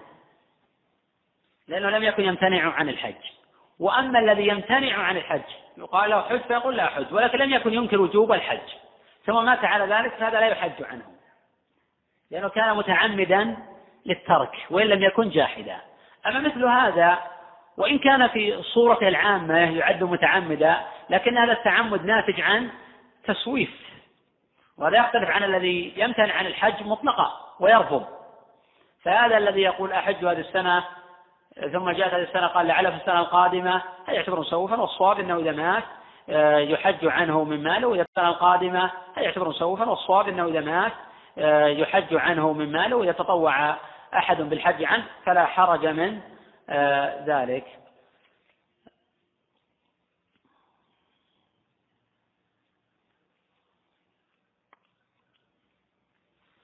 حقيقة أكثر الأسئلة غير متعلقة بالحج والوقت فحاول أن نأخذ الأسئلة المتعلقة بالحج. هذا السائل يقول ما هو الراجح في رفع المرأة صوتها بالتلبية؟ تقدم أن بعض العلماء يحكي الإجماع في هذه المسألة. والذي يظهر لي والعلم عند الله أن المرأة تخفي صوتها عن الأجانب وترفع صوتها عند غير الأجانب. والسر في كون المرأة تخفي صوتها عن الأجانب لأن صوتها فتنة ليس بمعنى أنه عورة لا لاعتبار أنه فتنة. بدليل قوله صلى الله عليه وسلم والحديث الصحيحين فمنعت المرأة من التسبيح بصوتها خشية أن يفتتن بها المصلي. فقد يفتتن الرجال الذين يمرون عند المرأة وهي ترفع صوتها بالتلبية ويفتتون بذلك فحينئذ تؤمر بإخفاء الصوت. وإن قال قائل ماذا نصنع بكون عائشة رضي كانت تجهر؟ فنقول أن الفتنة في عائشة قد تكون أقل من غيرها وأقل من أمرها. وفي نفس الوقت أثر عائشة قد يعارض بالأدلة الأخرى. ولذلك حتى غير واحد من العلماء الإجماع. ولذلك قال صلى الله عليه وسلم إذا نابكم شيء في الصلاة فليسبح الرجل مع أن التسبيح عبادة. ومع منعت المرأة من كونها ترد على الرجل بالتسبيح. قال فلتصفق خشية أن يفتن بها الرجال. أما من قال بأن صوت المرأة عورة فهذا فيه ضعف. هذا فيه آه، ضعف. أعتذر للأخوة عن بقية الأسئلة. نأخذ درس التوحيد. والله أعلم. نعم.